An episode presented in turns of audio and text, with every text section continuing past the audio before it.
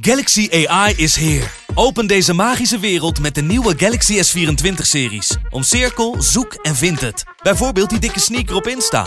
Of omcirkel een foto van een gerecht en vind meteen het recept. Op zoek naar wat liefde over de grens?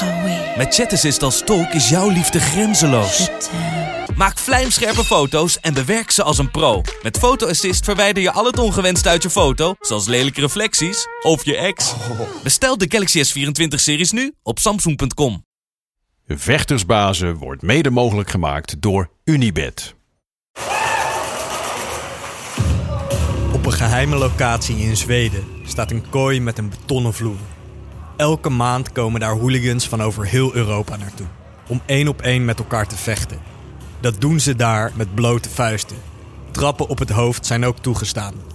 Ook als iemand op de grond ligt. Mensen van over de hele wereld kijken naar deze gevechten. De organisatie erachter heet King of the Streets, afgekort KOTS of KOTS. Als je online 12 euro betaalt via PayPal, krijg je kort voordat zo'n evenement begint een link. Daarmee kan je dan naar de gevechten kijken. De meeste hooligans die meedoen komen uit Scandinavië, van clubs als Brøndby en Kopenhagen. Of Polen, van clubs als Legia Warschau en Wisla Krakau. Of Duitsland, van FC Köln tot Hertha BSC. Het zijn allemaal grote gasten, vaak flink getatoeëerd en sommigen hebben littekens in hun gezichten. Een paar Nederlanders hebben meegedaan namens hun club.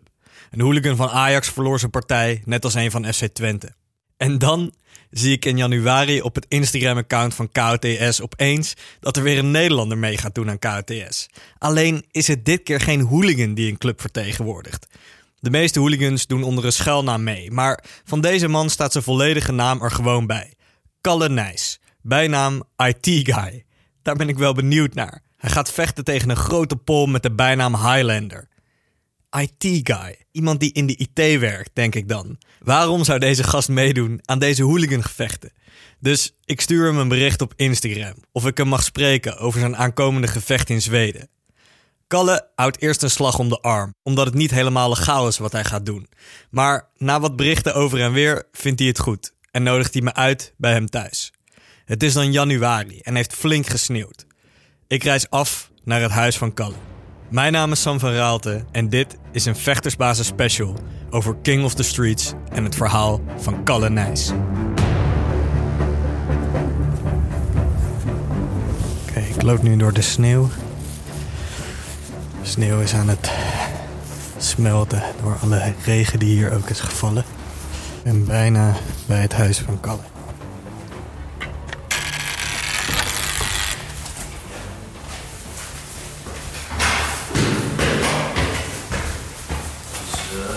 Hey. Goedemiddag. Goedemiddag. Hi man. Weer uitgaat? Ja, zeker. Zal ik mijn schoenen even uitdoen? Ehm, ja, is goed. Op die zwarte kun je slingen. Oké, goed. Hallo, hi, ik ben Sam. Hoi. Hey. En hoe heet het- deze twee? Dat is eh, Nippy Nippy? en dat is Shores. Kalle is thuis samen met zijn vriendin Nadine en zijn katten Nibby en Sjors. Ze hebben in het appartement twee ruimtes ingericht als kantoortjes om thuis te werken vanwege de corona. Ik krijg een lekker warme kop groene thee en een muesli-reep. Kalle en ik gaan in de slaapkamer zitten, zodat zijn vriendin rustig door kan werken. Daar vraag ik Kalle waarom hij heeft besloten om af te gaan reizen naar Zweden. Om mee te doen aan deze illegale hooligangevechten.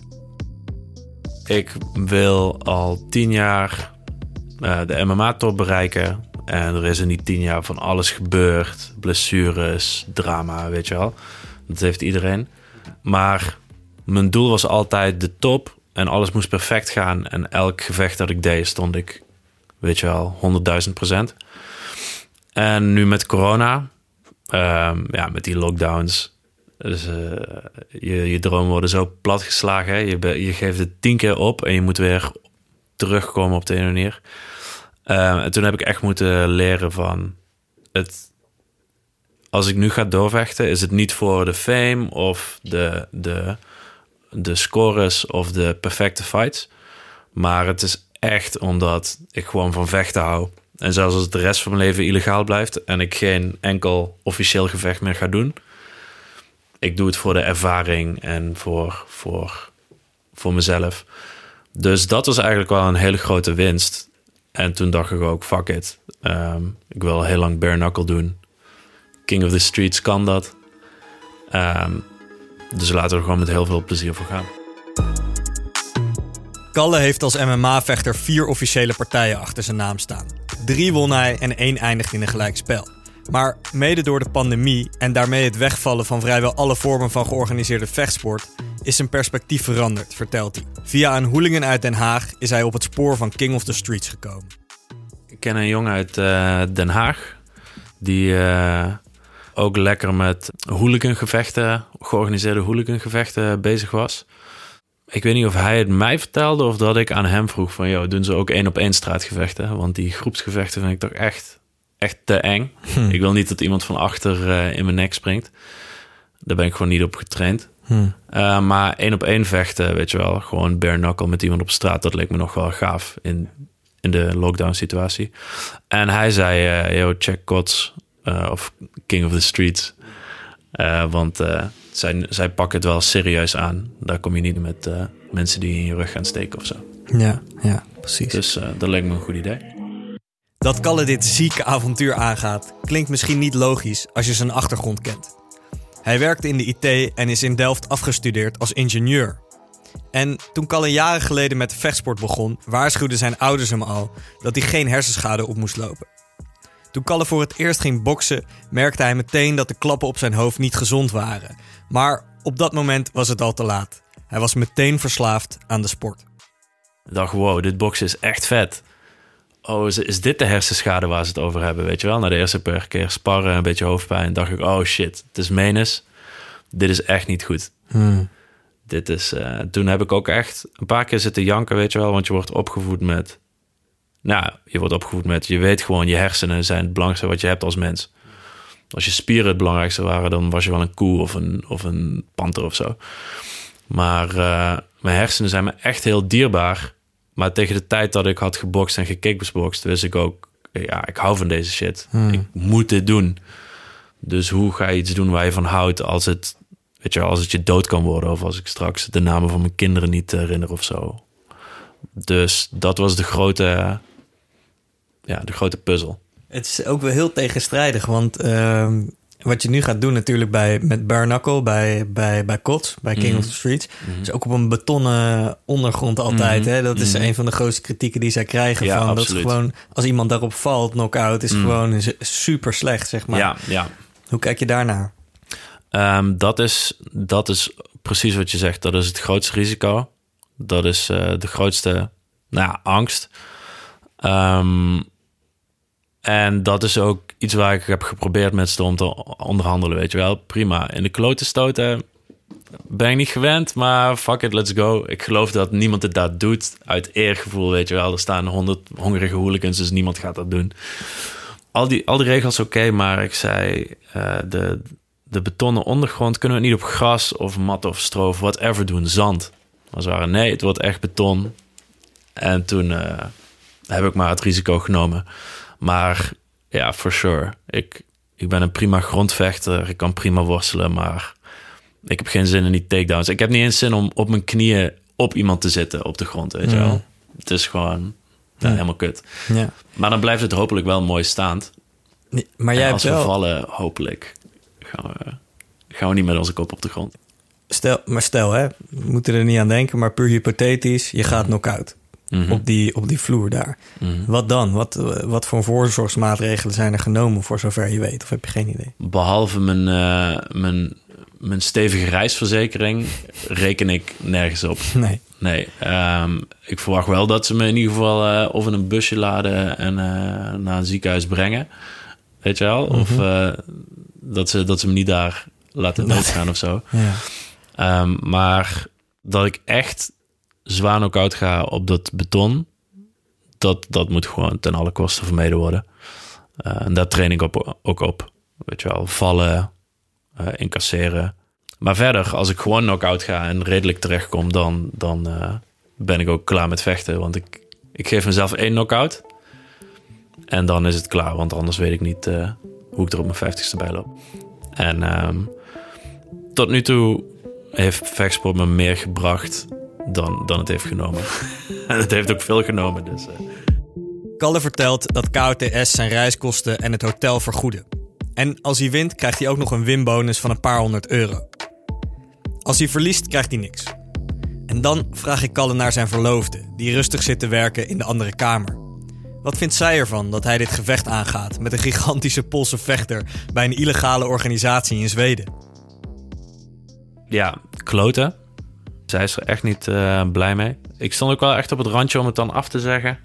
Want uh, mijn MMA-partijen, mijn gevechten, alles wat ik doe, staat ze achter ook als ze het eng vindt, ook als het kut vindt. Um, maar dit is iets ja, waar we achter moeten komen hoe het gaat uitpakken. En zij ziet hele grote gevaren en risico's. En als het misgaat, dan denk ik dat ik wel op de blaren kan zitten en, en weet je wel, die problemen kan oplossen. Maar uh, ja, laten we hopen dat haar scenario niet, uh, niet uitkomt. Maar ik geloof dat uh, komt goed. Hmm. Wat, wat, bedoel je, welk scenario is? Um, ja, ja, als je daar gepakt wordt, dan verlies je je baan en dan word je in de gevangenis verkracht en dan ben ik mijn man kwijt en dan moeten we het huis verkopen en dan zo, wat zeiden ze? Gaan de katten naar het asiel? Dus uh, ja, gewoon maximale escalatie. Ja, ja. Nee, want je hebt een, uh, een serieuze baan, zeg maar. Uh, je mm werkt dan in de IT. Is dat iets waar je bang voor bent dat, dat je werkgever erachter komt dat je dit gaat doen? Ehm, ik denk dat ik het mijn werkgever op een gegeven moment gewoon ga, ga vertellen. Want het is gewoon een, een, een heel goed bedrijf waar we goed met elkaar overheen kunnen. Maar het, het enige probleem is, in hoeverre maak je iemand medeplichtig mm op het moment dat je zoiets vertelt, weet je wel. Dus um, ik wil, ik gun het ze om het te weten. En ik heb zelf ook zoiets van, ja, dit is, ik voel me er niet slechter over of zo. Ja. Dus wat dat betreft mag, mag iedereen het van mij weten. Alleen nu met de corona, met de maatregelen, met alle bedrijven die zo hun best doen om uh, te laten zien dat ze allemaal zo binnen de lijntjes uh, hmm. kleuren. Ja, is het gewoon. Um, hou ik het even mijn probleem. De tegenstander van Kalle heet dus Highlander en komt uit Polen. Van hem staat een eerder gevecht op het YouTube-kanaal van King of the Streets.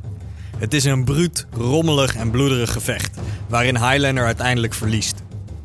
Highlander zag er niet technisch uit in het gevecht, maar hij heeft wel ervaring bij KOTS.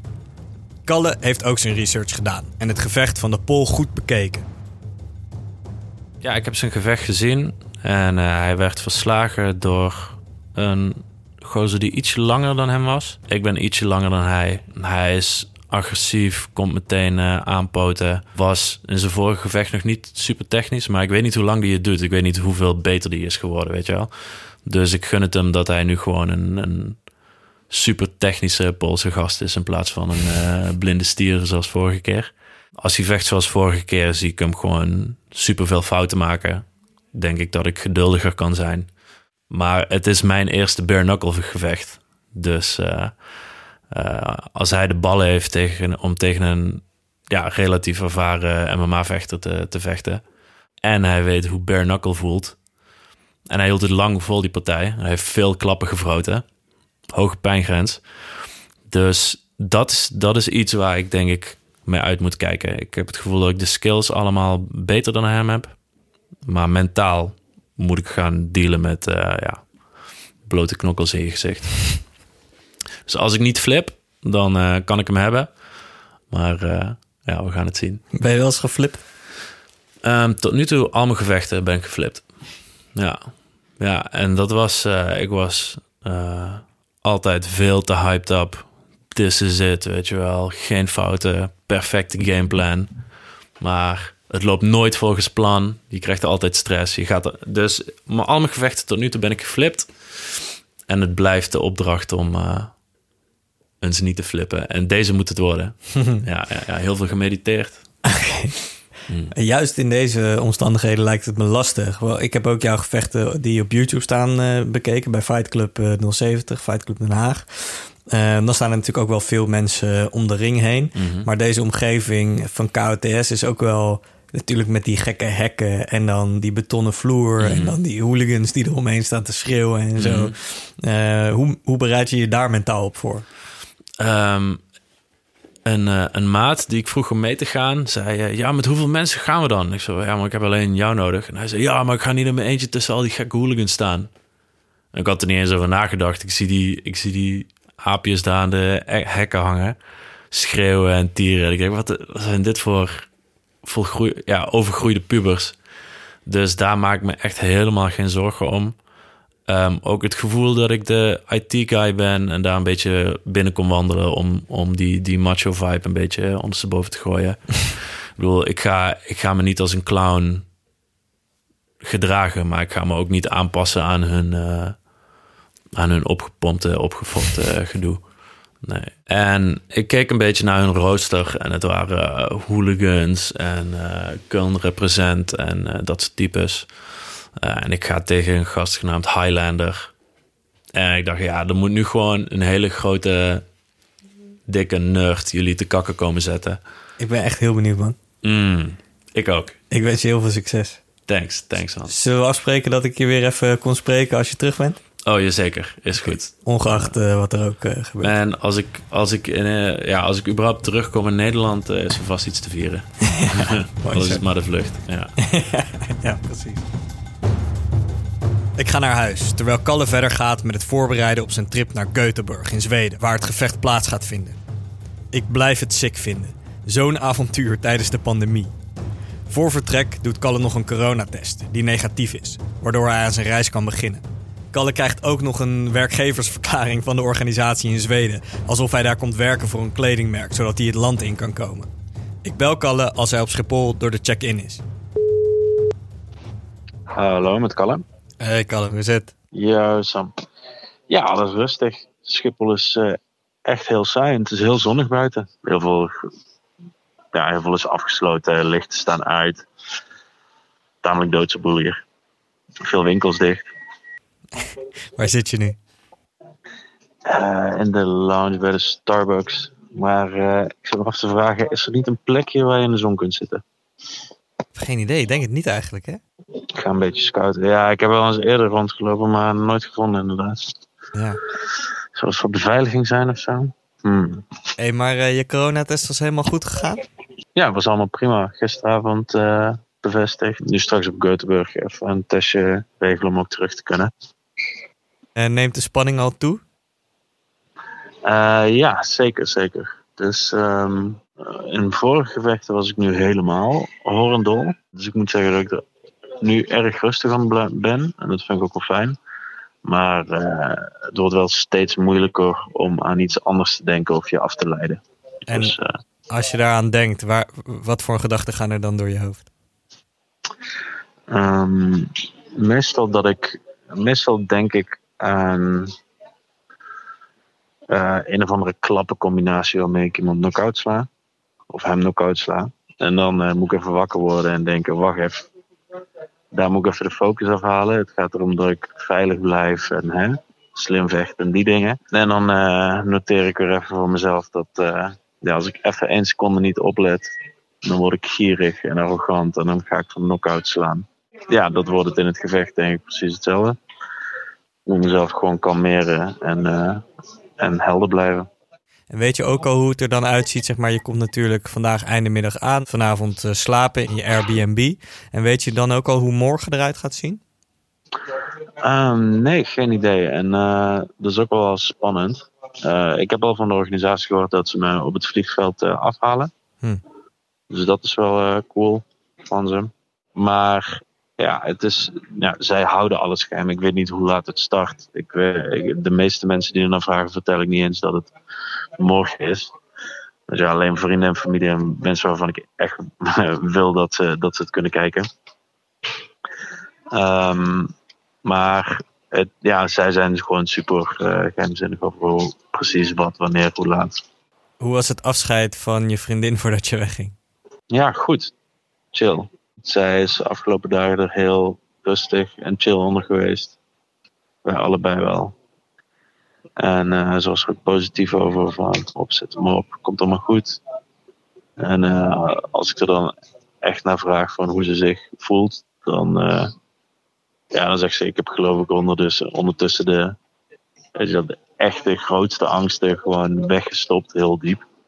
En hoop nu gewoon op het beste ja, ondertussen ben ik het ook wel met haar eens. Als ik naar de situatie kijk, van uh, ja, als, als iemand verkeerd uh, terechtkomt op dat beton, weet je wel, iemand uh, gaat dood.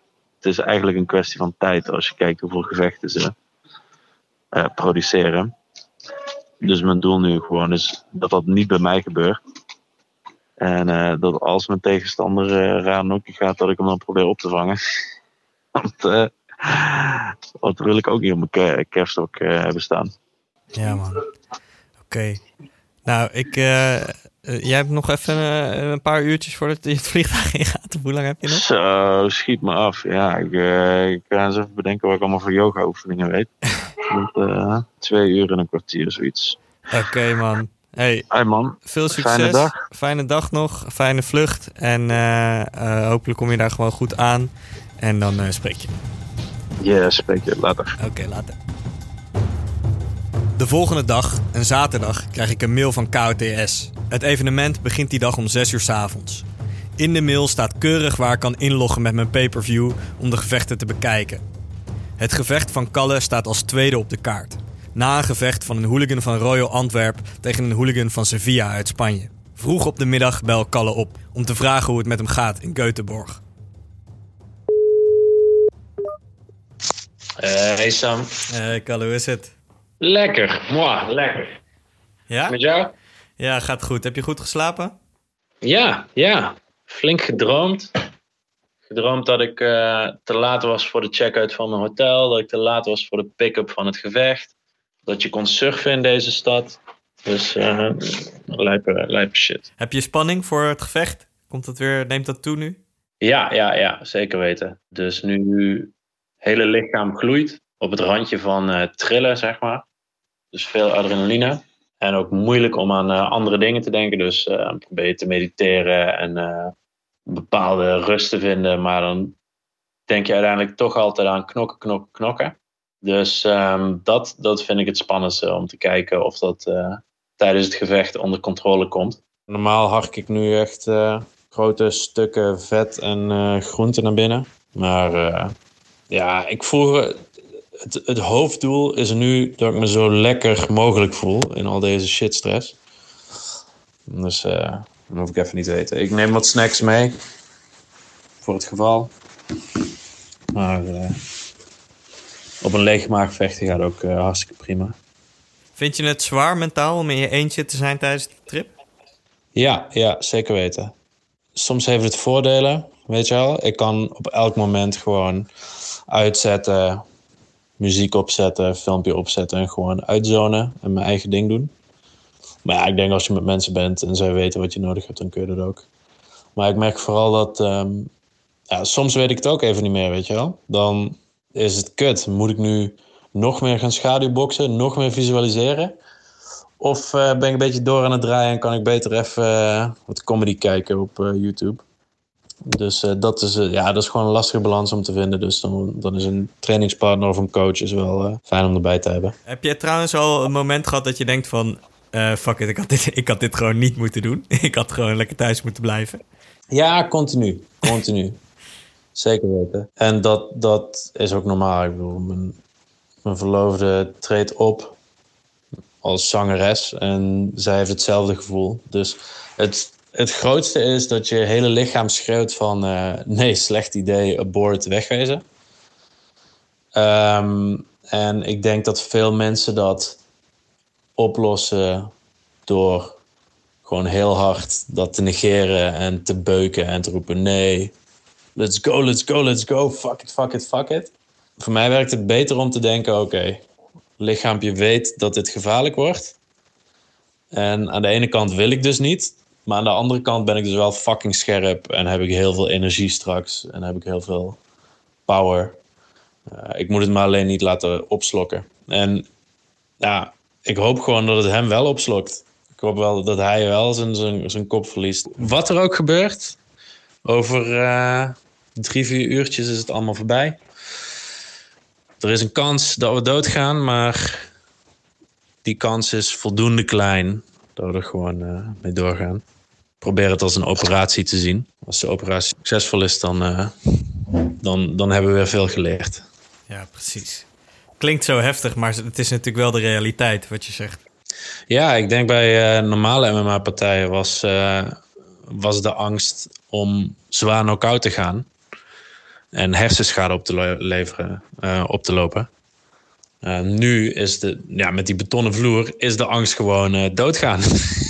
Verkeerd neerkomen op je kop. Dus dat is wel een, een nieuw niveau. En dat, daardoor weet ik ook van, dit, dit is de enige keer dat ik dit ga doen. Volgende keer doe ik het op gras of zo. Hartstikke bedankt dat ik je nog heel even kon spreken nu. Heel veel succes. Ja, te spreken. Bedankt voor de afleiding. Ja, tuurlijk. Alright. Nou, uh, enjoy the show. Enjoy the show, zegt Kalle, voordat hij aan zijn levensgevaarlijke avontuur begint. Die avond zit ik met een biertje, hamburger, chicken wings en patat voor de laptop thuis klaar voor de start van het evenement. Terwijl mijn vriendin in de woonkamer naar Team Mom zit te kijken. Ondertussen moet Kalle zich ergens in Göteborg helemaal kapot stressen voor het gevecht dat eraan komt. Als ik in wil loggen op de website van KTS, knalt de website er meerdere keren uit. Ik besef dat er wereldwijd zoveel mensen naar dit evenement proberen te kijken dat de website het niet houdt. Wat echt waanzinnig is voor een underground vechtorganisatie in Zweden. Ik zit in spanning thuis en de tijd tikt voorbij. Het is ruim na 6 uur en de livestream is nog steeds niet begonnen. Ik begin te twijfelen. Misschien gaat het hele event wel niet door. Misschien zijn ze allemaal gearresteerd of zo. Op de website van KOTS zie ik dat ze te bereiken zijn via Telegram, de versleutelde berichtenservice. Ik stuur ze via Telegram een berichtje. Fight starts soon, sturen ze me terug. De website knalt er dan weer een paar keer uit. En dan, na bijna een uur vertraging, knalt het beeld opeens aan. Oké. Dit is fucking sick. Oké, ik kijk nu naar een, een betonnen vloer. Met hekken eromheen. Allemaal gasten in hoodies achter de hekken.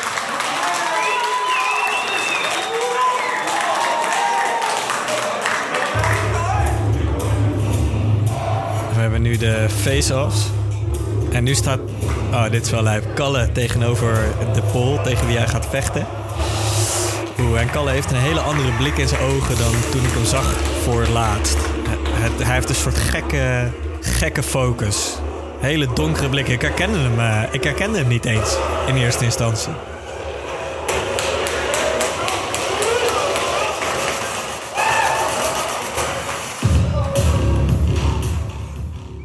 In beeld is de kooi te zien, met daaromheen hooligans in het donker gekleed. Ze staan achter een hek en voordat de gevechten beginnen worden alle vechters op de betonnen vloer tegenover elkaar gezet voor een face-off. Kalle ziet er super gefocust uit. Dan worden de vechters uit de kooi gehaald, op de twee hooligans van Royal Antwerp en Sevilla na. Het eerste gevecht begint. De adrenaline giert bij mij al door mijn lijf heen, terwijl ik veilig thuis zit met mijn biertje en chicken wings. Ik kan me niet voorstellen hoe deze twee gasten zich nu voelen, of Kalle, die nu buiten beeld wacht tot het zijn beurt is. Het gevecht tussen de hooligan van Antwerpen en Sevilla is een keiharde beukpartij. Het bloed stroomt van de gezichten van beide vechters als de hooligan van Antwerp die van Sevilla uiteindelijk KO slaat en tot winnaar wordt uitgeroepen. Dan is het de beurt aan Kalle en Highlander. Mijn hart bonkt in mijn keel.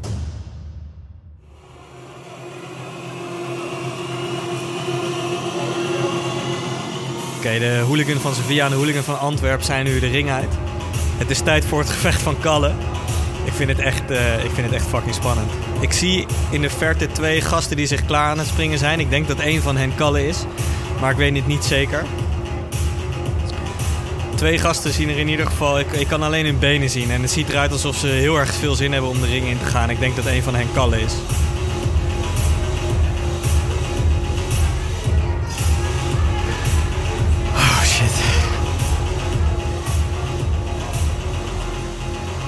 Holy shit. Kalle Kalle staat nu te dansen op de muziek. Hij lijkt helemaal in een soort space te zitten. Heel lui. Hij is naar de kapper geweest. Hij heeft heel vers haar. En hij zit nu in een soort... Hij is aan het dansen. Hij wordt nu goed in beeld gebracht. En naast hem staat zijn tegenstander, de Pol. Die met zijn handen... die met zijn handen tegen zijn gezicht aan het slaan is. Terwijl Kalle heel rustig aan het dansen is. Alsof hij goed aan het space is op een technofeestje. Oh, wauw. Oké. Nu gaan de Pol en Kalle gaan het, uh, de, de ring in, de kooi in. Ah, dit is zo sick. En in beeld komt nu ook te staan Kalle IT-guy tegen Damien Gorski, de Highlander uit Polen. Ah, Kalle is nog steeds een beetje aan het dansen, ook al is de muziek weg. Hij kijkt een beetje rustig om zich heen.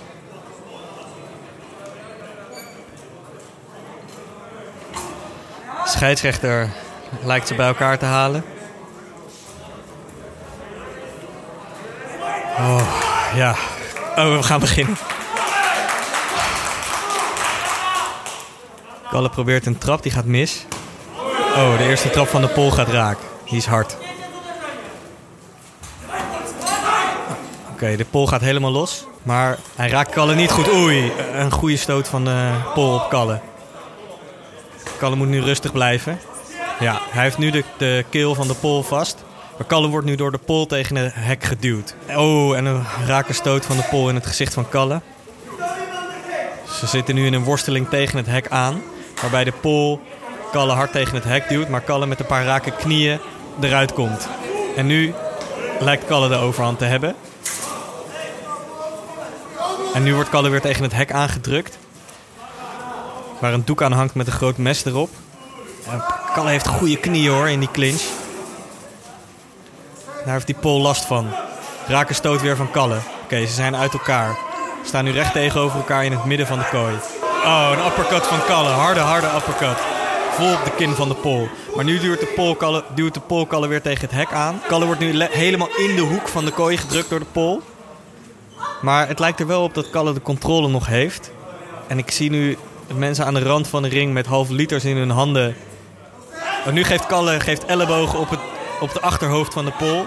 Terwijl hij in de hoek van de ring wordt geduwd. Harde, harde ellebogen geeft Kalle op het achterhoofd van de pol. Maar hij blijft doorduwen, die pol. Gekke situatie. Kalle heeft een wilde blik in zijn ogen. Maar aan de ene kant lijkt het erop dat hij rustig blijft. En wat hij van tevoren zei dat hij dat zo graag wilde.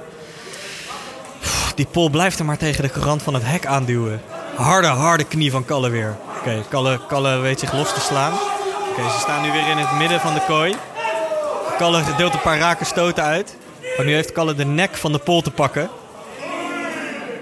In een mogelijke choke. Een paar rake knieën van Kalle. Weer een rake knie van Kalle. En weer duwt hij... Oh! Kalle gooit hem op de grond. Kalle gooit hem op de grond en heeft nu de overhand. Kalle zit nu bovenop de pol. Kalle zit bovenop hem, oh, maar hij staat op. Deelt hem een knie uit, hard in het gezicht van de pol. Kalle zit nu bovenop hem en slaat hem in zijn gezicht. Ik denk dat het elk moment klaar kan zijn. Nee, Kalle slaat op het hoofd van de pol. Hij, lijkt een arm... Oh, een knie van Kalle tegen het gezicht van de pol. Kalle staat weer op alsof hij het genoeg vindt. Weer een knie in het, van Kalle in het gezicht van de pol. Pol gaat naar de grond, probeert het been van Kalle te pakken. Kalle blijft inslaan op het gezicht van de pol. In een normaal gevecht had de scheidsrechter nu al lang ingegrepen, maar dat gebeurt hier niet, dus Kalle gaat door. Ik kreeg eerder al de indruk dat Kalle er eigenlijk mee wilde stoppen omdat hij het genoeg vond. Kalle blijft slaan. En hij trapt in het gezicht van de pol. Weer een stoot van Kalle. Weer een stoot van Kalle. Weer een stoot van Kalle. De pol gaat neer. En het is klaar. Kalle heeft gewonnen. Wauw, wauw. Hij krijgt applaus. Schitterend. Holy shit. Wauw. Oh, de pol ligt uitgeteld op de grond en wordt door zijn vrienden omhoog geholpen. Kalle heeft gewonnen. Wat is dit zeg? Wauw. Wauw. Kalle heeft gewonnen. Wauw. Mega intens dit. Kalle heeft zijn partij gewonnen. Als eerste Nederlander ooit bij KOTS. Ik app hem meteen om hem te feliciteren. En Kalle appt blij terug. Het gaat goed met hem. Hij heeft weinig schade, maar gaat zich wel even laten checken. Bellen gaat even niet, omdat hij nog op het evenement is. We spreken af dat ik de volgende dag bij hem langskom, als hij weer thuis is in Nederland. Ik kom nu weer aan bij het huis van Kalle. Hij heeft zijn gevecht net gehad, teruggekomen. Heel huids. en eh, ik ben heel benieuwd hoe het met hem gaat. Vorige keer dat ik er liep, overal sneeuw. En nu schijnt het eh, zonnetje. En En dan ga ik nu aanbellen bij Kalle.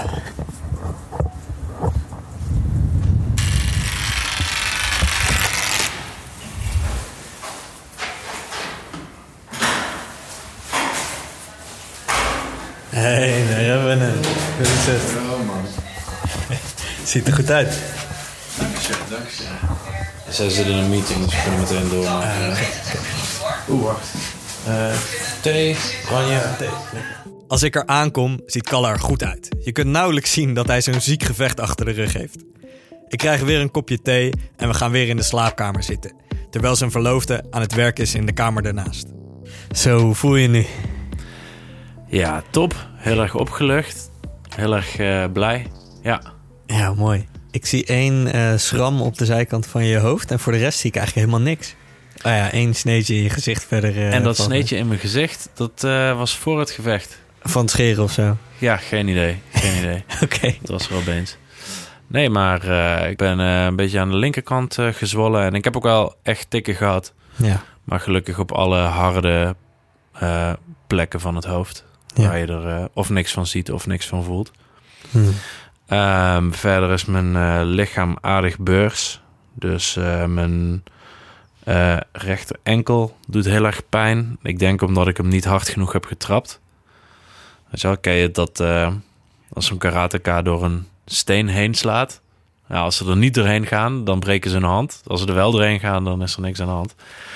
Dus ehm, hij lag op de grond en ik was hem aan het trappen, maar niet vol overgave, want ik wou dat hij weer opstond. Hm. Dus daar heb ik geloof ik mijn enkel mee bezeerd. Hm. En mijn elleboog is helemaal bont en blauw van, eh, van alle ellebogen die ik heb uitgedeeld.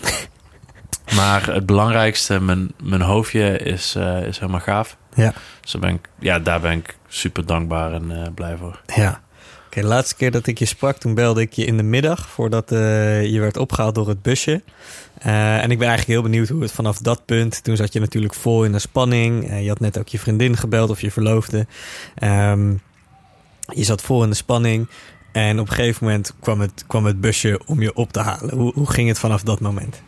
Ja, het was tamelijk chaotisch. Ik, eh, rond twee uur zouden worden opgehaald. Dus ik ga om twee uur voor het hotel zitten. Even wat frisse lucht halen nog. En eh, ik zie een eh, dikke auto staan, eh, stoppen. Met twee gespierde hooligan typetjes erin. Dus ik liebel naar ze toe. Ik zei al, hey, zoeken jullie eh Kal en? Nee, nee, geen probleem. We, we weten niet wie je bent. Maar zij waren ook iemand aan het zoeken. En ik zat ook op een rit te wachten. En even later stapt een, een ander autootje met een, nou, ik geloof een Pakistaanse jongen of zo. Die stapte uit, was mensen aan het zoeken. Zij kijken naar hem, ik kijk naar hun. Eh, iedereen in de war. Uiteindelijk moest hij mij hebben. Dus ik met die eh, Pakistaanse jongen mee in zijn autootje. Wordt hij even later gebeld door zijn baas. Ja, je moest toch die twee gasten hebben die daar in de auto stonden te wachten. Maar ja, dat is dus omdat het zo'n geheimzinnige operatie is. Iedereen zoekt elkaar, maar je kunt elkaar niet echt identificeren. Je gaat niet roepen van, ja, ik ben, ik ben Hype Crew en ik ben die hooligan. Ja. Dus uiteindelijk kom je allemaal ehm, in, een, eh, in een loods terecht. eh, waar ze heel veel apparatuur hadden opgezet. Wacht, je wordt dus door die Pakistaanse werd je Mm. opgehaald. En Ja. zat je gewoon met, met hem alleen? Het was gewoon jouw privé-taxi, zeg maar? Of, eh, Ja, ja, ja. Oké. Het was eigenlijk de bedoeling dat hij die andere twee ja, ophaalde. precies. Dat ging niet goed. Oké. Maar we zaten gewoon met z'n tweeën. Hoe lang was het rijden naar de locatie? Ehm, het was midden in eh Göteborg. Oh, Dus het was gewoon ehm, een industrieterreintje in de stad. Ja, ze hadden via via een evenementenbureau, Hm. hardwarebedrijf. Ja, die hadden vanwege corona hadden die ook even niks te doen. Dus die hadden een eh, ruimte gegeven om eh, te bouwen. En eh, dus hadden meteen een dikke sound system, lichten, camera's, alles.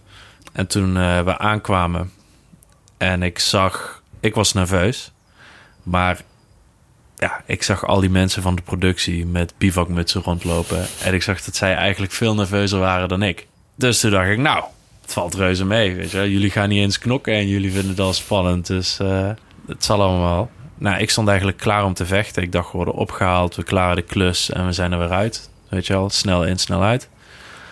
Maar toen bleek het dat, eh, dat we pas om zeven uur zouden beginnen of zo, Hmm. uiteindelijk. tussendoor zeiden ze zes uur, zes uur gaan we beginnen. Nou, dan heb je vier uur te wachten van twee tot eh, zes. Uiteindelijk zijn we pas half zeven of zeven uur. Nou, na, na zeven uur zelfs. Ja. Na zeven uur. Kwart over zeven, half acht ongeveer. Wat, komt- wat heb je in die tussentijd gedaan? Zo, ik kwam binnen en eh, in het begin waren er alleen maar vechters en ja, medewerkers. Ja. Ehm, en de vechters die er waren, dat waren allemaal Polen. Dus er zat gewoon één grote groep van 20 Polen of zo. Vechters, supporters, hooligans. Zaten allemaal in die zaal. Nou, en ik in mijn eentje. En eh, ik herkende een Pool die ik de vorige dag had ontmoet. Even een handje geschud. Toen herkende ik mijn tegenstander. Hem even een handje geschud. En toen viel de druk er eigenlijk al snel af. Want eh, ja, ik zat in mijn eentje aan een eh picknicktafeltje tegenover 20 ja, enthousiaste Polen. Ja, dus ik kon, dus ik kon of huilend wegredden of, of zeggen: ja, fuck it, het is, belachelijker wordt het toch niet meer. Dus daar zat Kalle in zijn eentje op een onbekende locatie in Göteborg met 20 Poolse hooligans. Intussen druppelden er hooligans van andere landen binnen, waaronder een aantal Fransen. En Kalle redde toen de wijsvinger van een zo'n Fransoos. een van de, een van de Fransozen die zou vechten. Maar op het laatste moment door corona eh, was, was zijn tegenstander niet komen opdagen. Omdat hij bij de eh, grens was tegengehouden. Dus hij was een beetje aan het kutten. Hij, eh, hij was aan het klooien en aan het irriteren, geloof ik. En op een gegeven moment had hij een pakje tie wraps te pakken. En dan heeft hij op de ene manier... eh, was het hem gelukt om zijn wijsvinger af te binden met een tie wrap. En dat ding begon te groeien. En hoe, hoe dikker zijn wijsvinger werd, hoe meer mensen eromheen kwamen staan om te kijken van zo, gaat die ontploffen, weet je wel. Er waren geen messen aanwezig. Er was een keukentje met wat botte shit en wat schaartjes. Dus mensen waren aan het vroeten en aan het eh, en hij had pijn.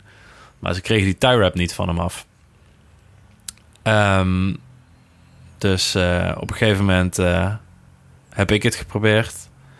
Eh, want ik dacht dat ik hem... eh, dat ik die tie wrap er wel af kon knagen. Eh, nou, dus zo gezegd, zo gedaan. Gelukkig is mijn vinger niet afgebeten. Het is gelukt. Ja, ja, ja. Dus ik heb eh, die tie wrap eraf geknaagd. Iedereen blij. Jij zit te knagen aan een tie wrap van een Van een, van een rare gezwollen vinger. Eh, daarna flink goed in mijn mond gespoeld. Maar oprecht, je, je zit daar zo... eh, je zit daar zo op elkaars lip. Je moet vier uur lang naar een gevecht toe leven, weet je wel. Je wil je gewoon concentreren. Eh, maar elke stap die je wil zetten, elke jab die je wil drillen... moet je uitkijken dat je niemand eh, Hmm. tegen de oren stoot. Dus ik was eigenlijk heel erg blij dat ik aan, eh, aan zijn vinger had zitten knagen... en dat de Fransen nu blij met me waren. En dat, weet je wel, dat het ijs een beetje gebroken was. Hmm. En die smaak heb ik gewoon weggespoeld. En op een gegeven moment heeft Nadine me gebeld. En me ja, gewoon toegesproken en vertrouwen uitgesproken en me gekalmeerd. En eh, ja, dat was echt de, de, het fijnste deel van de, van de hele voorbereiding. Dat zij gewoon ja, me even heeft afgeleid en eh, zelfverzekerd heeft gemaakt. Dus Kalle redde een Franse wijsvinger en werd bemoedigend toegesproken door zijn vriendin. Daarna was het tijd om te gaan vechten. Een uur voordat we zouden gaan vechten ben ik begonnen met op te warmen. En eh, de DJ was ondertussen al bezig. En eh, de situatie was ondertussen al zo belachelijk dat ik ook wel flink stond te dansen en te reven daar om me maar bezig te houden. Ja, dat was te zien vlak voor het gevecht. Toen was jij echt aan het dansen daar naast je tegenstander. Zo, hij was zijn gezicht aan het slaan. Hij was zichzelf in zijn gezicht aan het slaan. Ik moest lachen. Dat, dat vond ik het leukste om terug te kijken op de, op de stream. Ik dacht, ik hoop je ziet, je ziet me lachen. Want ik was hem gewoon aan het uitlachen. Ik was lekker in de groove. Ik had er helemaal zin in. Ik dacht, oké, dit wordt smooth. Dit wordt, weet je wel, je gaat echt je ding doen. En naast me staat een of andere tube te ijsberen. Staat zichzelf zijn gezicht te slaan alsof... Ja, ik weet niet wat hij van plan was. Maar ik dacht, jij, nou, je hebt je voorbereid om kapot te gaan. Dus nu ga je ook kapot. en ik heb me voorbereid om lekker, eh, ja, lekker te gaan dansen. Oké, jullie staan daar. Jij staat helemaal... Je zag echt helemaal... Jij bent in een soort van trance of zo. Je zat, Mm. je- jij was aan het dansen. Mm. De tegenstander was zichzelf in zijn gezicht aan het slaan. Mm. Eh, en dan is het moment daar... eh, de kooi is van jullie. Je stapt Mm. die betonnen vloer op... waar je eigenlijk al aan de zijkant op stond. En het gaat beginnen. Hoe, Wat Mm. gebeurde er op dat moment in jouw hoofd? Ehm, tot die tijd, vooraf had ik altijd getraind om complete tunnelvisie op mijn tegenstander te hebben, weet je wel. Je hebt je gameplan, je gaat dit doen, je gaat die move doen. Ehm, alle ogen, alle focus op dit ene punt, weet je wel, niks erbuiten binnen laten. Maar voor dit gevecht was het allemaal zo anders. Eh, ik had echt getraind om gewoon vertrouwen te hebben op mezelf en op mijn skills en op al mijn waarnemingen. Ehm, de trance waar ik in zat, met al het dansen, met al het opwarmen, weet je wel, daar, daar kom je niet zomaar in. Dat is echt een half uur staan springen, stoten, trappen, visualiseren, Ehm, zin hebben, Hmm. Eh, gewoon, weet je wel, je lekker voelen.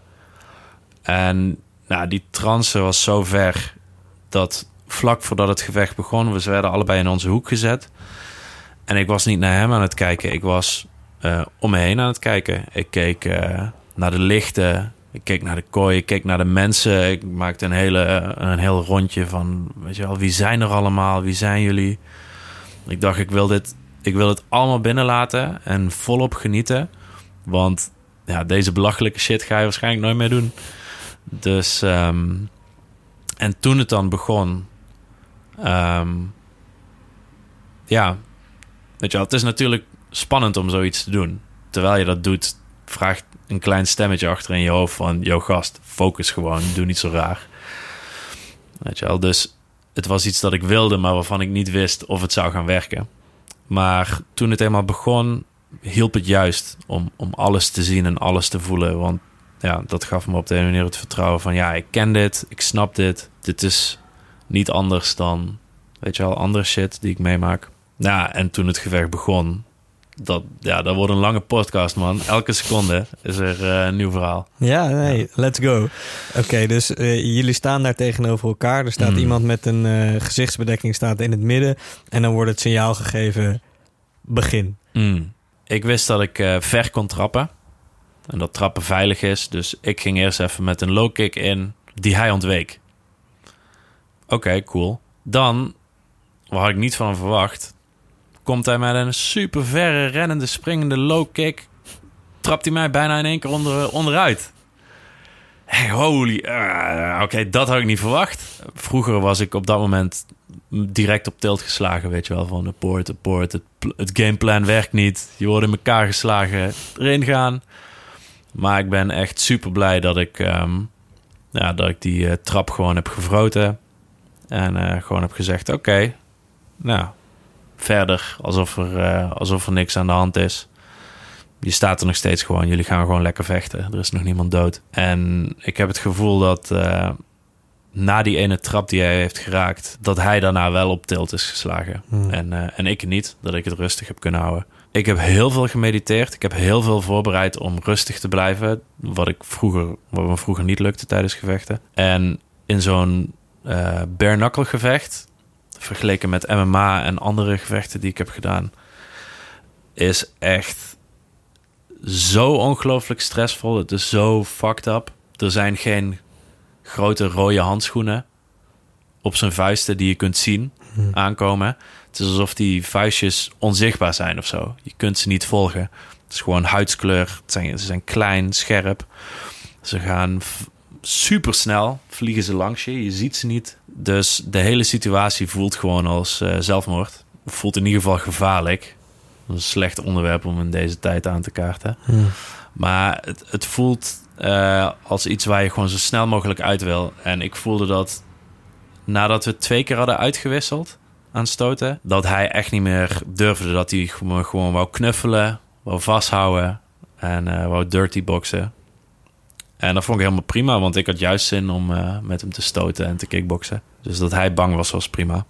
Maar eh, ik probeerde hem van me af te houden, maar hij bleef. Elke stap die hij zette was eh, om, om mij tegen die kooi te duwen en vast te houden. Je gaf veel knietjes ook, hè? Ja, ja, het was meer... Ik wou heel graag staan met hem vechten. En ik dacht, nou, als hij, als hij een paar van deze knie, knietjes vreet... dan kapt hij op een gegeven moment wel met dat, met dat knuffelen. Dan heeft hij door dat het geen zin heeft.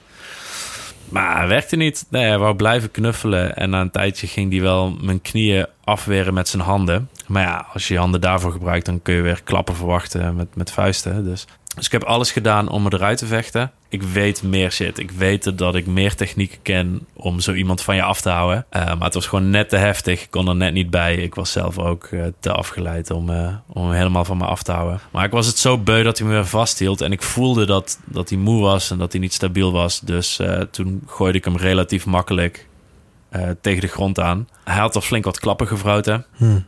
Ellebogen, knietjes. Maar had zo'n fucking dikke, stevige kop. en ik dacht, potverdomme, hiermee heb ik echt wel mensen pijn gedaan in sparren. Per ongeluk. Maar jij vreet zich gewoon alsof het niks is. Um, dus toen hij op de grond lag, dacht ik, oké, ik ga het niet afmaken op de grond. Maar ik wil je hoofd in, in ieder geval een paar tikken geven, zodat je tenminste... Weet ik wil het gevoel hebben dat ik, dat ik je knock-out kan slaan. Ik wil zien of, of jouw hoofd überhaupt ergens voor vatbaar is. Dus toen heb ik hem een beetje uh, ja, geslagen tot ik zag dat hij een beetje begon te schudden. Op laten staan. Kon ik toch niet laten om hem weer naar de grond te, te, slaan. Nog eens op laten staan, nog eens naar de grond. En uiteindelijk toen hij de derde keer opstond, was hij ook aardig moe. En toen gaf ik hem een rechterstoot. Niet bijzonder hard. Hm. Niet bijzonder geniaal of zo. Als ik terugkijk, had ik beide handen laag. Was ook niet super technisch. Maar ik zag en ik voelde dat de stoot hem goed op zijn kin raakte en dat hij uit balans was. heb ik nog eens uitgehaald. Die zat ook. Toen heb ik een derde keer uitgehaald. En toen die derde stoot op rij uh, erop zat. En ik voelde hem voorover stappen en overhellen. En ik dacht, ja, deze gast is nu gewoon weg. Uh, het is klaar. Ik heb nu gevoeld hoe het is om iemand nokkie te slaan. Dus in plaats van hem uh, ja, nog een trap te geven of helemaal uh, lens te slaan, heb ik hem heb ik mijn handen op zijn rug gezet en hem gewoon voorover gekieperd. Een soort van demonstratieve kijkref. Hier is niks meer van over, laat hem maar vallen. En dat zag hij ook, toen heeft hij het meteen gestopt. Ja, dat vond ik interessant om te zien. Jij maakte er eigenlijk een einde aan richting de scheidsrechter. Van uh, het is wel genoeg zo. Ja, ja, ja, ja scheidsrechter maakte er een einde aan. Mm. Wat voelde je op dat moment? Ja, heel tevreden. Heel, heel blij met dat moment van... Tot, totdat ik hem echt had geraakt en ik hem nokkie zag gaan... dacht ik heel erg van, oké... blijkbaar heb ik de kracht niet of heb ik de techniek niet... of is het gewoon onmogelijk om iemand nokkie te slaan... Weet je wel, dit is geen professionele bokser waar ik tegenover sta. Weet je wel, dit is gewoon een straatvechter. En het kost me zoveel moeite om iemand ik had hem al een paar keer geraakt en het deed niks. Dus tot het echte eind van het gevecht had ik, had ik best wel zorgen van... oké, ik ben een prima vechter... maar, maar gaat het me lukken om deze gast te stoppen? En toen het was gestopt, was ik gewoon opgelucht van... oké, niemand dood, heel veel geleerd... en holy fuck, wat een stressvolle ride. Kalle voelde zich goed. Niet alleen omdat hij het gevecht had gewonnen, maar ook fysiek voelde hij zich prima. Hij voelde zich gezond, zegt hij. En hij was niet de enige die blij was. De organisatie en aanwezige hooligans sloot hem ook in de armen. Dus ik liep naar buiten en uh, eerst een heleboel knuffels en high fives van mensen. Mensen vonden het echt een supermooi gevecht. Iedereen zei echt een geweldig gevecht. En toen keek ik het terug en ik vond het ook niet echt handig camerawerk. Ze hadden veel te veel camera's, veel te veel hoeken. Ik was helemaal in de war van wie ben ik nou? Nou, ik kreeg dus heel veel felicitaties en ik wou eigenlijk zelf gewoon checken hoe het met mijn tegenstander was. In de kooi was daar geen tijd voor. Je werd meteen naar buiten geëscorteerd. En ik zag hoe hij naar de ziekenboeg werd gebracht. Toen heb ik hem ben ik hen achtervolgd naar de ziekenboeg. Heb ik zijn coach gevraagd van... Yo, goed gevecht. Kan ik even hem bedanken? En iedereen zei... Ja, ga maar handjes schudden. Maar toen liep ik op hem af. En hij zag mij niet. Hij zat zeg maar voorover gebukt op een, uh, op een medische tafel.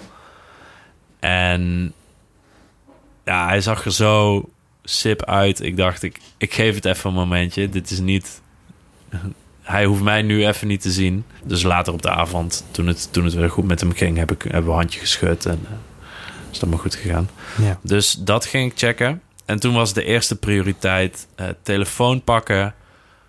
Nadine laten weten dat ik leef, dat het allemaal goed is gekomen. En dat we elkaar gewoon weer gauw zien. En dat, weet je wel. Eh, er, waren, er was gedoe met de servers. Niet iedereen kon meekijken naar het gevecht. Dus toen ik erop belde, inderdaad, zij was niet in de livestream. Dus ik was heel blij om te horen dat het eh, goed was gegaan. Intussen gingen de gevechten door, tot aan het laatste gevecht van de avond, van Simon the Savage. Hij is een Deense hooligan van Brøndby en de grote ster van KOTS. Simon heeft een groot litteken in zijn gezicht en is ongeslagen in de organisatie. Hij vocht deze avond tegen een hooligan van Hertha BSC, die hij keihard knock-out sloeg. Toen de hooligan van Hertha daarbij op de grond viel met zijn hoofd, vormde zich langzaam een plas bloed onder zijn kop, waarna de stream op zwart ging. Het was een gruwelijk naar einde van de gevechten. En de organisatie liet snel weten dat het oké ging met de hooligan van Hertha BSC.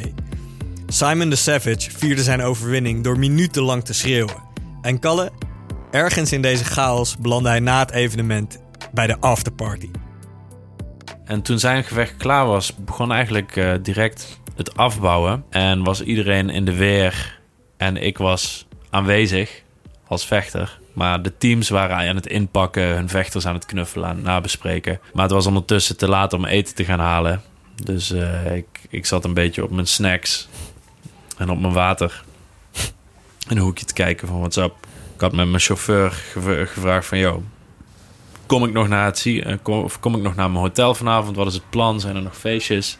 Maar niemand wist hoe en wat.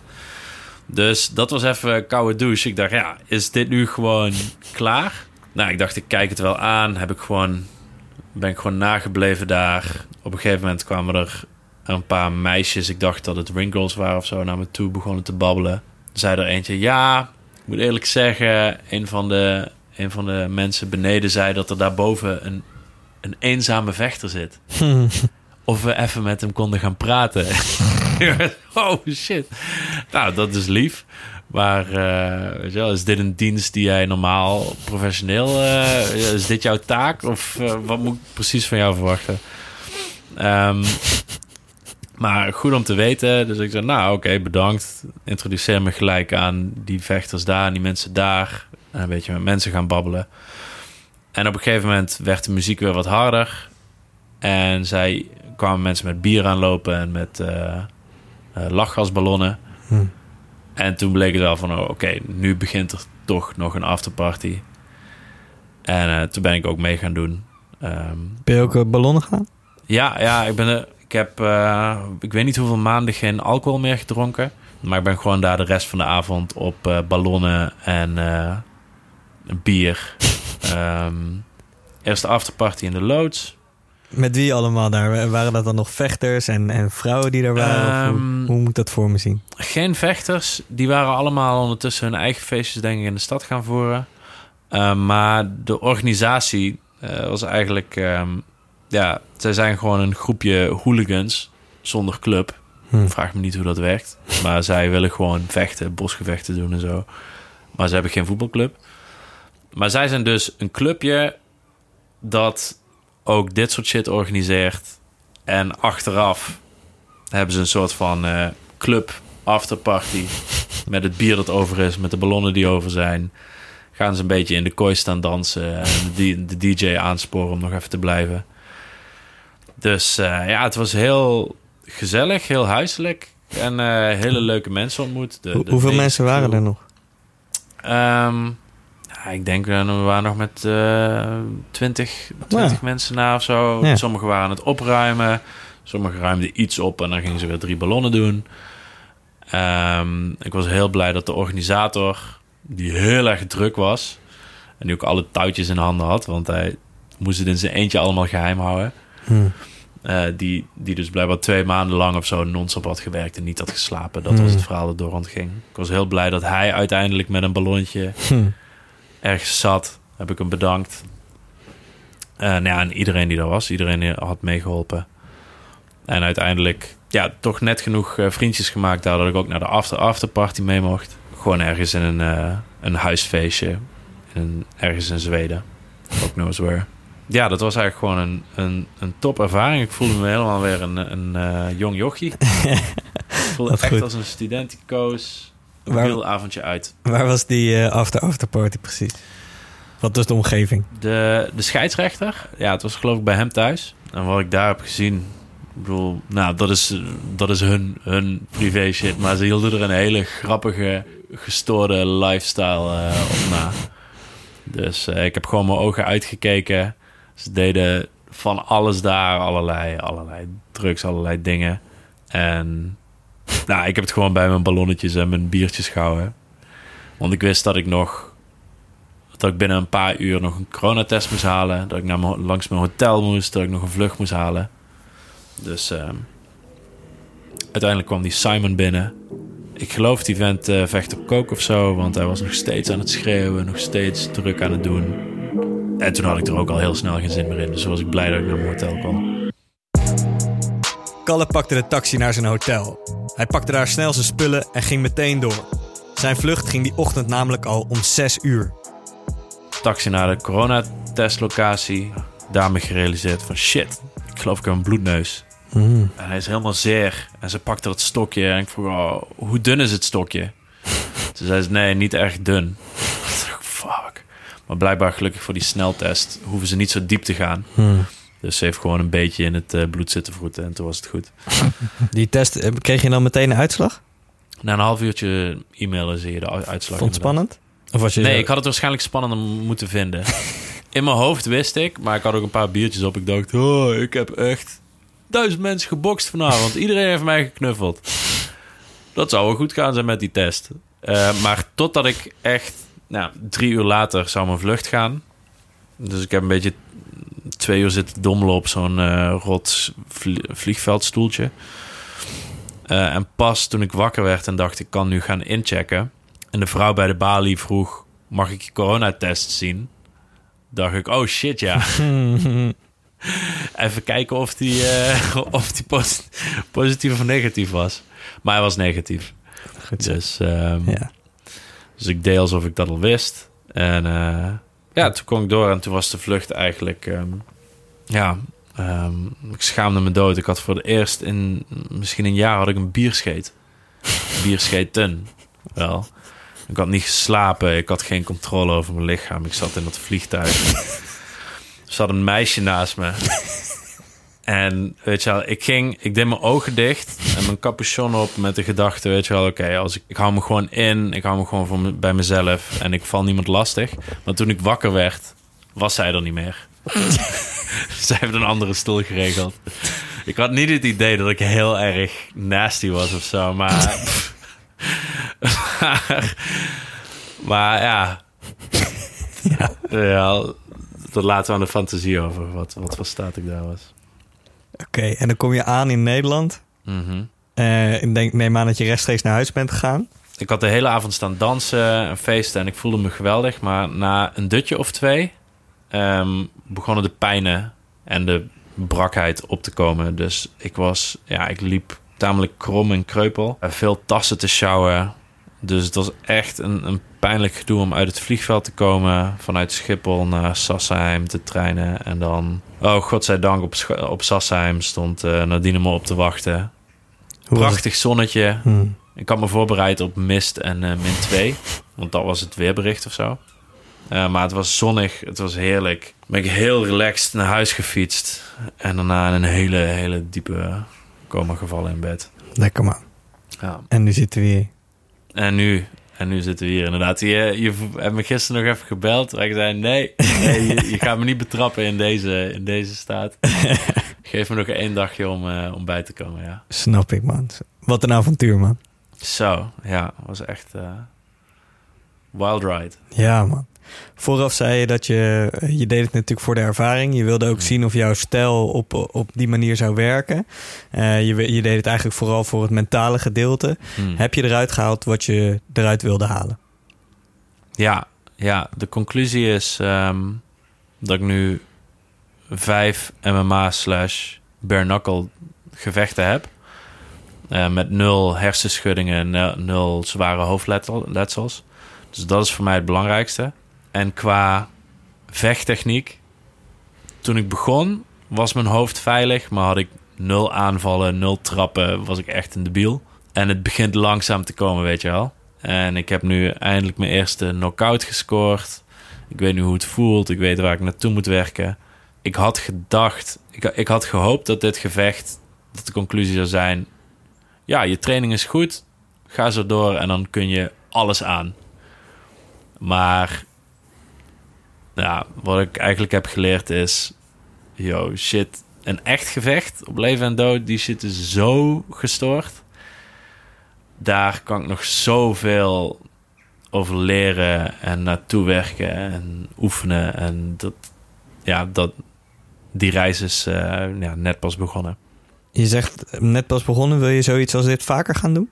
Ja, ik kan me voorstellen dat ik dit hoef niet bij zo'n ondergrondse organisatie. Je hebt, uh, ik weet niet wat ze van plan zijn met de lockdowns en zo, maar er zijn uh, Europese bare knuckle organisaties, er zijn letway organisaties. Uh, toen ik tegen deze jongens zei van mij zie je niet meer, want ik doe het niet op beton, dat doe ik nooit meer. Zeiden ze ook, ja, dat snappen we. Misschien gaan we het dus op gras of op hout organiseren. Dus in dat geval zou ik daar ook nog wel voor in zijn. Uh, maar in de een of andere vorm blijf ik vechten.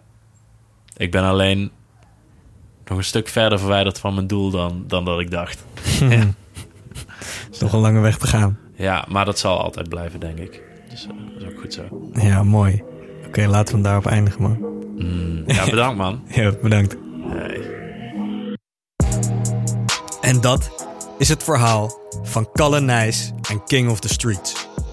Ik hoop dat Kalle nog een hoop mooie gevechten gaat hebben en wil hem bedanken voor zijn openheid. Je kunt Kalle ook volgen op Instagram, Kalle Nijs. Mijn naam is Sam van Raalte en dit was een eenmalige audiodocu voor Vechtersbazen.